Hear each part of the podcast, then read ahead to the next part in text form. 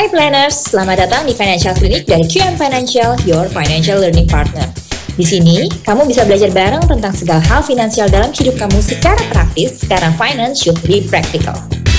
Halo, halo planners. Kamu lagi dengerin Financial Clinic Podcast by QM Financial. Ada saya, Francisca Emi, Financial Trainer dari QM.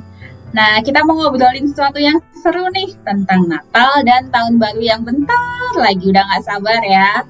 Aku undang Hani. Halo Hani. Hai hai. Halo, gimana gimana kabarnya? Kabar baik, Emi bagaimana di sana? Sehat-sehat, puji Tuhan. Natalan tinggal berapa hari lagi nih berarti nih? Iya. Tinggal menghitung hari ya, 12 uh, atau 11 hari lagi kita udah akan merayakan Natal. Betul. Oke, nah biasanya ngapain aja sih Hon kalau Natal dan Tahun Baru ada tradisi-tradisi khusus yang harus dilakuin nggak? Mengingat Natal tahun ini kan berbeda ya. Natal tahun lalu kita terpaksa nggak bisa merayakan bareng keluarga karena ada pandemi. Tahun ini meskipun pandeminya masih berlangsung, tapi kebijakan PPKM level 3-nya kan dicabut tuh. Jadi ye, kita bisa ngumpul lagi bareng keluarga ada yang berbeda nggak dari tradisi Natal yang biasa dilakukan sebelumnya dengan yang tahun ini akan kamu lakukan bareng sama keluarga?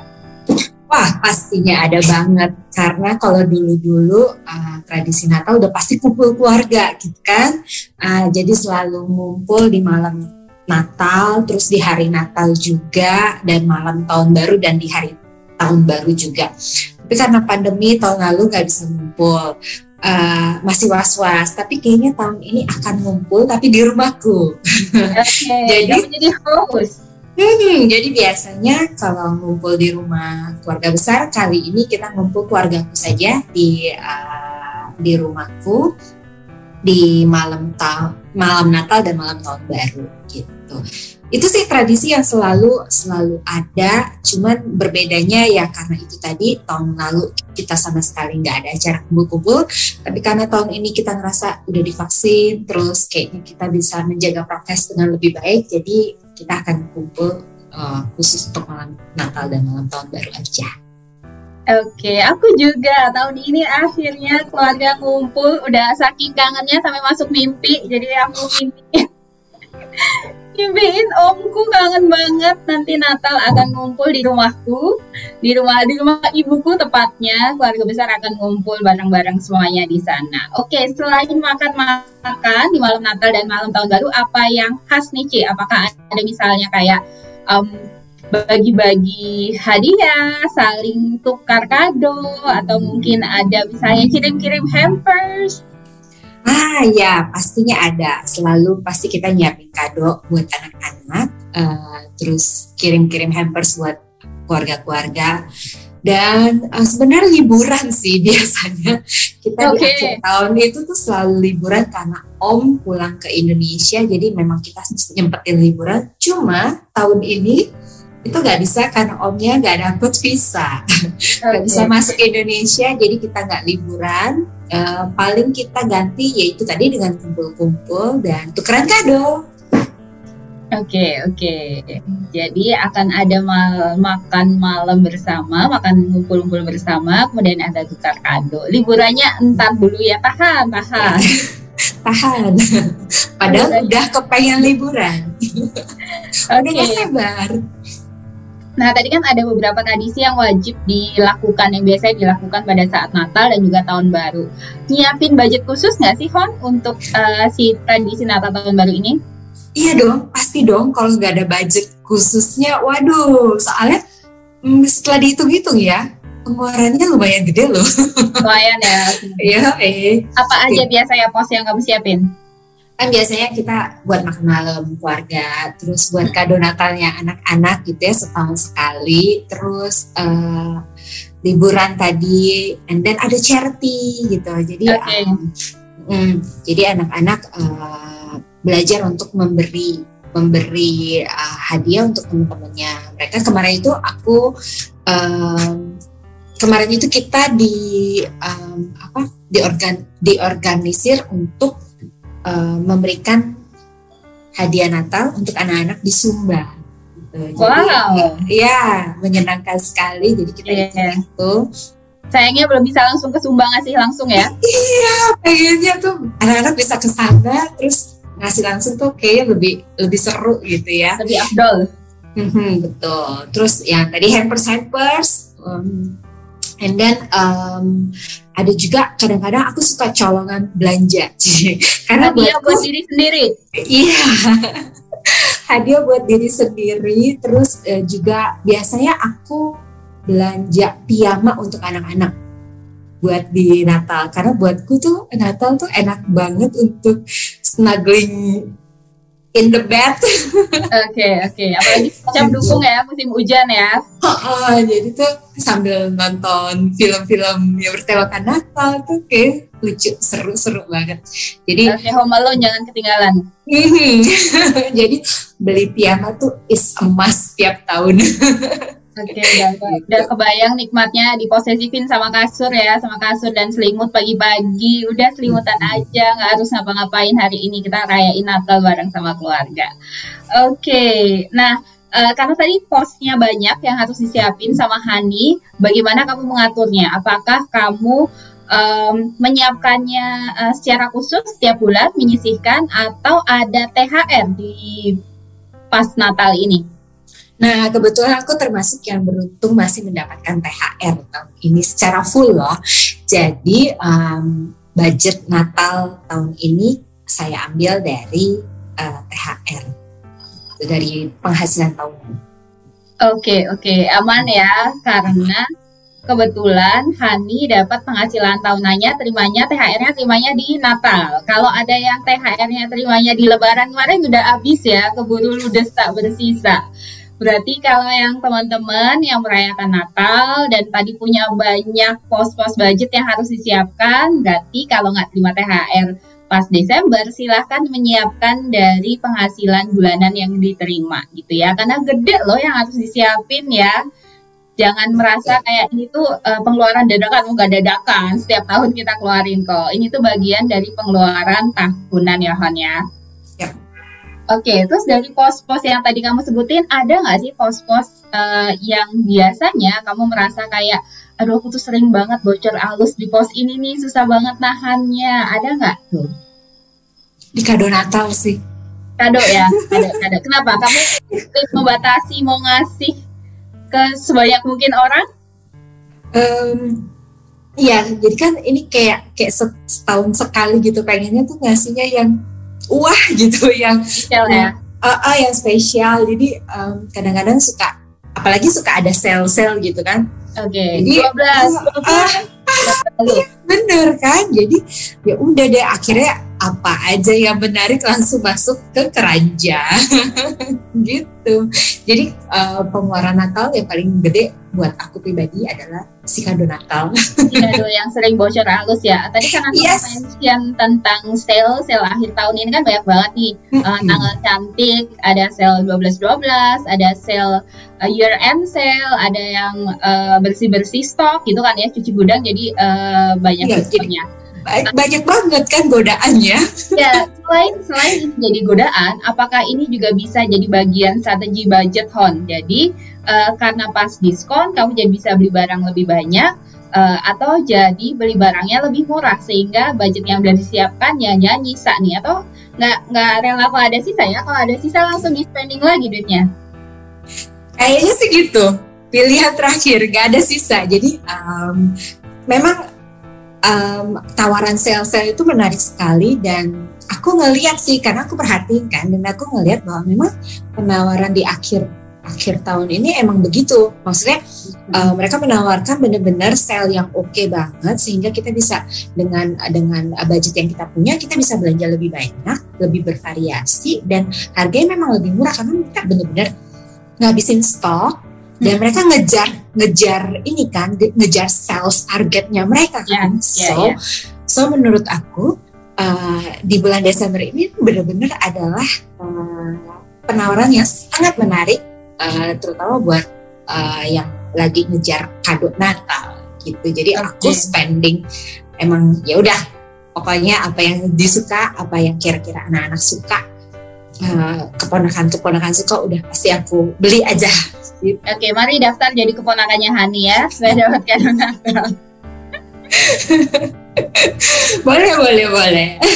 Oke, lalu uh, kemudian aku jadi kepikiran ada ada jadi tantangannya juga ya ini ya si si sel-sel ini dan si uh, kebutuhan kita untuk merayakan Natal ini karena kan memang um, sebuah pengeluaran tahunan yang bagi kita spesial uh, kita ingin merayakan dengan orang-orang tersayang, tapi uh, maunya juga jangan sampai nggak terkontrol pengeluarannya gitu ya, jangan sampai bablas ya, yang kalau bocor alus dikit-dikit boleh deh, tapi kalau bocor ambiar gimana? Jadi ganggu keuangan keluarga kita ya. Uh, ada tips gak dari Hani? Gimana caranya kita bisa membuat budget Natal ini terkontrol tapi juga nggak sampai jadi terlalu pelit gitu ya? Karena kan memang ini uh, sebuah uh, perayaan ya yang setahun sekali doang gitu. Jadi gimana kayak cari jalan tengahnya nih Hon?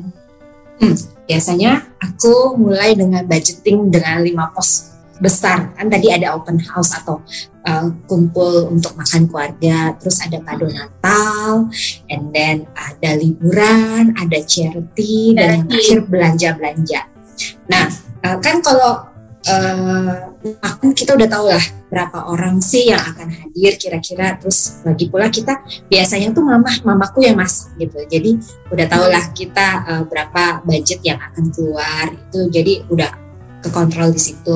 Kemudian kado Natal walaupun banyak diskon tetap juga harus di uh, budgetin. Misalnya sekian rupiah. Jadi aku tuh udah nyatet-nyatetin uh, beberapa bulan sebelumnya kira-kira aku mau beliin uh, anak-anak tuh kado apa kemudian keponakan-keponakan tuh apa. Jadi udah aku udah punya range harga. Kira-kira benda ini tuh range-nya di berapa. Jadi kalau um, waktu sale ternyata harganya di bawah dari budget yang aku buat aku langsung aja gitu okay, and then uh, untuk liburan liburan juga kita udah bisa bisa tahu sih. Hmm, paling yang pergi berlibur kita sekeluarga, aku sama anak-anak dan suami.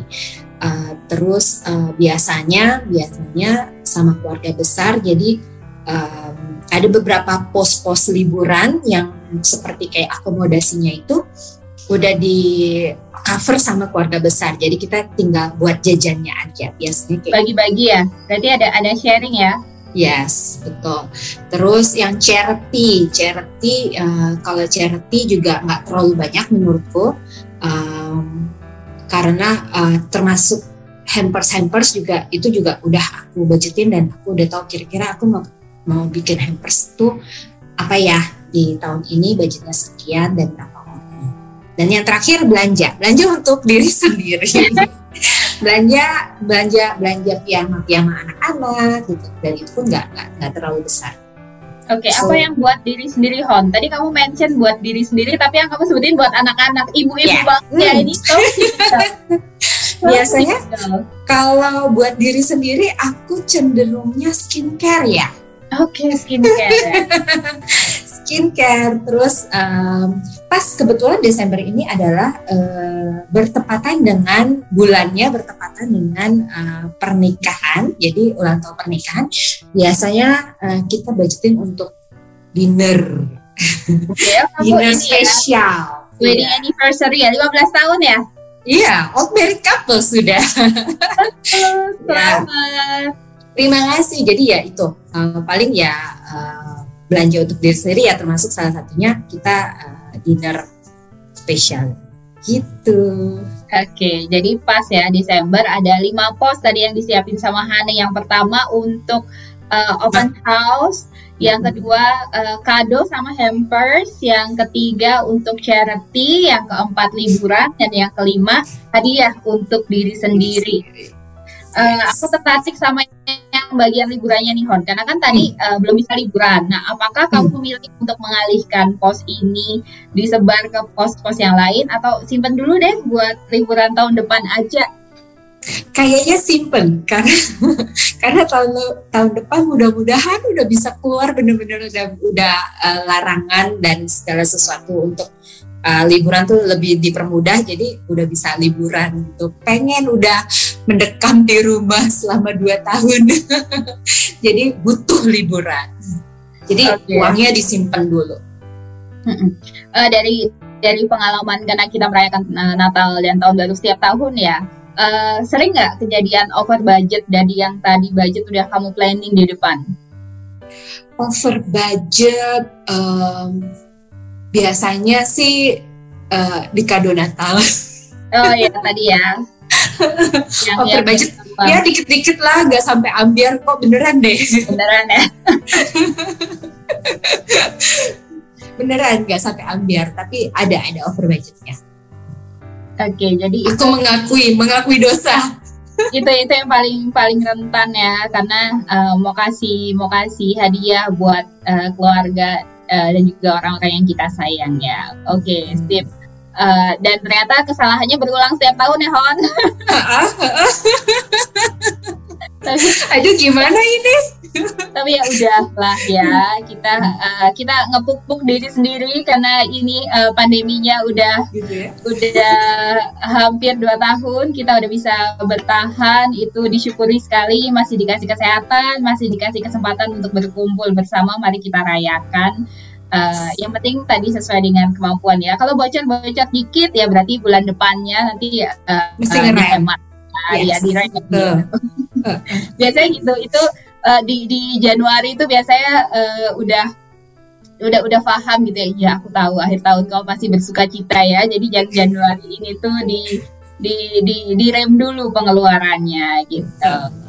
Oke, okay, uh, eh, yeah. ada ada bagi-bagi uh, mungkin uh, tips gitu Hon uh, buat teman-teman yang di sini yang merayakan Natal dan uh, mau mau tadi tetap tetap bisa merayakan dengan sukacita tapi nggak sampai over budget yang kebanyakan. Apa yang kamu lakukan sampai kamu bisa uh, apa tadi meskipun ada over budget tapi kamu tetap menjamin bahwa ini tuh dikit aja kok. Itu caranya gimana sih? Caranya gimana supaya ngerem biar ini tuh nggak kebablasan?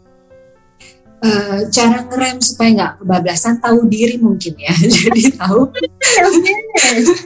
tahu bahwa oh ternyata budgetnya tuh cuma segini gitu. Jadi uh, penting banget artinya untuk punya budget supaya kita tahu um, penghasilan tahunan yang kita miliki sekian, kemudian budget yang kira-kira akan keluar adalah sekian, sehingga kita bisa uh, tahu diri bahwa oh ternyata kalau aku mau belanja lagi tuh emang uangnya nggak ada, memang udah pakai gitu semua ya. gitu, memang udah jangan, jangan bisa halu ya. gitu. Jangan halu, betul betul, jangan halu dan seharusnya kan uh, menjadi sukacita ya. Nah, ya, ya. menjadi sukacita jangan jadi jangan malah jadi beban yang nambah pikiran yang akhirnya jadi sukacitanya hilang. Gitu. Jadi penting banget untuk uh, budgeting awalnya, terus kedua uh, tahu diri, uh, pengendalian diri kali ya. Oh iya ya, self control. Self control adalah kunci. Ya, self control adalah kunci. Terus um, stick to the budget, stick to the budget. Nah itu penting banget. Ya, uh, kalau ada bocor-bocor dikit, ya mungkin di pos-pos lain bisa dikurangi. Oke. Okay. Kan pas liburan udah uh, lagi nggak ada nih, ya udah pinjam dulu deh liburannya ya bisa kan kemudian uh, bulan-bulan besok nanti tahun-tahun baru baru ditambal-tambal lagi pos okay. liburannya iya. oke okay, kita kita pinjam sama pos liburan yang punya kita sendiri tapi berarti kita ngutang sama diri sendiri ya kita ngutang yeah. sama diri sendiri nanti uh, tahun depan aku janji aku janji dibalikin kalau nggak dibalikin berarti konsekuensinya nggak jadi liburan loh hayo iya. iya. betul sekali oke okay um, Hani kan tinggal di Jakarta ya. Apakah berencana untuk um, ada kayak uh, walaupun nggak nggak liburan uh, dengan besar gitu ya dengan keluarga besar, apakah ada rencana kayak liburan tipis-tipis kayak staycation atau berencana pergi-pergi atau kamu tetap stick pakai hashtag di rumah aja? Kayaknya untuk tahun ini belum staycation, belum. Oke. Okay. Uh, uh, jadi di rumah aja. Oke, okay, benar-benar di rumah aja merayakan Natal bareng sama keluarga. Keluarga. Oke. Okay. Oke, okay. terus um, apalagi ya aku mau nanya apalagi sama Hani ya sesuatu yang um, khas tentang uh, Natal tadi uh, yang menarik untuk post uh, charity ya Hon biasanya charity itu dilakukan uh, ke mana Hon tadi kamu sampai cerita bahwa ngajakin anak-anak ya ngajakin anak-anak milih kado mm-hmm. terus uh, nulis surat untuk temen yang uh, eh, di Sumba ya. ya. Mm-hmm. Nah biasanya sih beda-beda sih kita uh, kebetulan ada ada kom- komunitas di gereja yang mengat yang mengatur semua itu jadi kita cuman ya. Uh, kebetulan tahun ini yang mendapatkan uh, kesempatan adalah anak-anak di Sumba Oke, okay, jadi itu memang diorganisir sama gereja ya? Mm-mm, betul. Jadi setiap tahun ada, uh, kebetulan tahun ini kita dapatnya anak-anak yang disuruh. Oke, okay. semoga mereka happy terima kadonya. Ya. ya. Pengen, pengen juga satu hari ke sana. Jadi dana liburannya mesti ditambah nih kayaknya. Oke, okay, ke Sumba kapan ya bisa ke sana? Oke, mungkin sekarang liburannya liburan virtual dulu ya kalau oh, kalau belum iya benar. Kalau berani ya. Betul, liburan virtual tuh menyenangkan juga loh ternyata. Jadi anakku pernah ngikutin liburan virtual. Yang pertama dari sekolah itu um, SeaWorld ke SeaWorld jalan-jalan virtualnya. Terus yang yang besar itu jalan-jalannya ke Swiss kalau nggak salah. Oh wow. Wah, virtual. Tapi menyenangkan sekali loh walaupun virtual. Seru banget tetap, deh. tetap kerasa ya uh, experience tetap, ya? tetap tetap tetap kerasa. Tetap kerasa. Seru. Terus udah gitu kan uh, yang hostnya itu dia ya kayak tour guide lah nerangin segala macam jadi uh, kita pun dapat dapat insight dapat pengetahuan banyak juga mengenai tempat wisata itu Oke okay, oke okay. tentang sejarah sejarahnya kita belajar juga dan yes. uh, ini ya uh, semakin semakin menambah kerinduan untuk bisa travel nanti nanti kalau dunia sudah uh, sudah kembali baik-baik saja yes. ya. Mm-hmm. Untuk sekarang masih bisa afford untuk di rumah aja kita di rumah aja dulu ya. Yeah liburannya liburan virtual. Oke okay, Hon, um, sebagai penutup nih kita kita mau recap apa yang udah kita uh, obrolin tadi tentang tradisi merayakan Natal, tentang pos-pos pengeluarannya, tentang bagaimana uh, membuat budget untuk memastikan si pengeluaran Natal ini nggak sampai boncos gitu ya. Oke, okay. um, aku uh, aku kepikiran satu hal lagi nih Hon, uh, lebih yang lebih sesuatu yang lebih mendasar gitu ya. Apa sih makna merayakan Natal buat Hani? Oh, makna merayakan Natal yang pasti berbagi sukacita. Berbagi sukacita, um,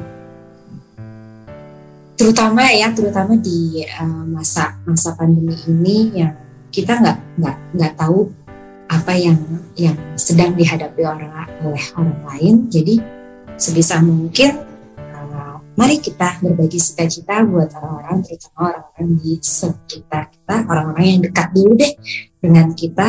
Uh, semoga semoga cita-cita itu juga bisa menular ke orang-orang yang dekat kita, kemudian orang-orang terdekat kita pun menularkannya lagi ke orang-orang lain.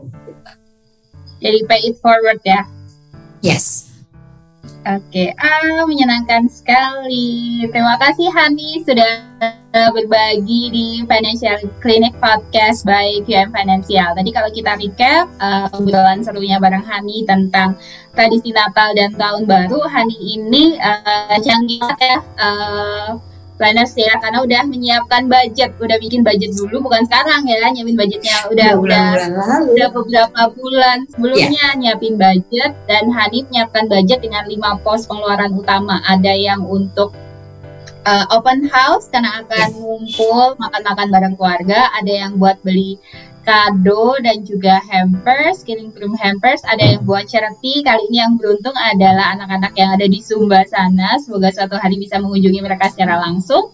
Lalu yang keempat tadi buat uh, liburan, tapi masih ditahan dulu, akan disimpan untuk liburan tahun depan saat bumi sudah kembali uh, membaik lagi. Lalu yang kelima adalah untuk kado untuk diri sendiri yang akan merayakan um, anniversary bareng sama uh, pasangan ya udah 15 yeah. tahun menikah semoga rukun-rukun dan bahagia selalu ya Hon ya. Terima kasih Oke okay, dan tadi yang penting juga bahwa merayakan Natal ini adalah kita uh, merayakan sukacitanya. Kita mau berbagi sukacita Natal bersama dengan sesama, bersama dengan keluarga. Kalau sekarang belum bisa uh, terlalu jauh mungkin ya nggak uh, bisa ke mana-mana dulu. Jadi sama yang deket-deket dulu dan semoga sukacitanya belibet.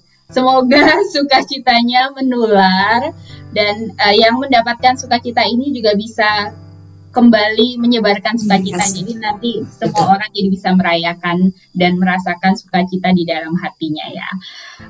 Sekian untuk episode podcast podcast uh, kali ini planners terima kasih udah dengerin Financial Clinic Podcast baik ya Financial terima kasih Hani Joseph sudah berbagi cerita tentang merayakan Natal di tahun ini semoga sukacitanya menyebar ke seluruh um, sesama kita ya menyebar ke semakin banyak orang, semakin banyak yang merasakan sukacita di hatinya. Selamat merayakan Natal dan Tahun Baru, semoga sehat-sehat selalu. Salam untuk keluarga ya, Han ya. Yes, terima kasih Emi. Selamat Natal, selamat tahun baru juga, juga buat teman-teman yang dengerin podcast ini. Oke, buat para planners ya, nah planners silahkan kalau kamu tadi belum sempat melakukan budgeting sekarang-sekarang, masih ada beberapa hari lagi sebelum Natal, pastikan uh, sukacita ini tidak menjadi beban di kemudian hari karena kamu uh, tidak melakukan planning dan tidak setia pada budget yang sudah kamu buat ya. Kalau tadi ada bocor-bocor dikit ya, bocornya pinjam sama pos dana liburan kamu. Tapi jangan lupa tahun depan diganti supaya tahun depan beneran bisa liburan bareng sama keluarga kamu juga ya. Oke, sekian untuk Financial Clinic Podcast episode kali ini. Sampai jumpa di Financial Clinic Podcast bagian financial di episode selanjutnya. Dadah!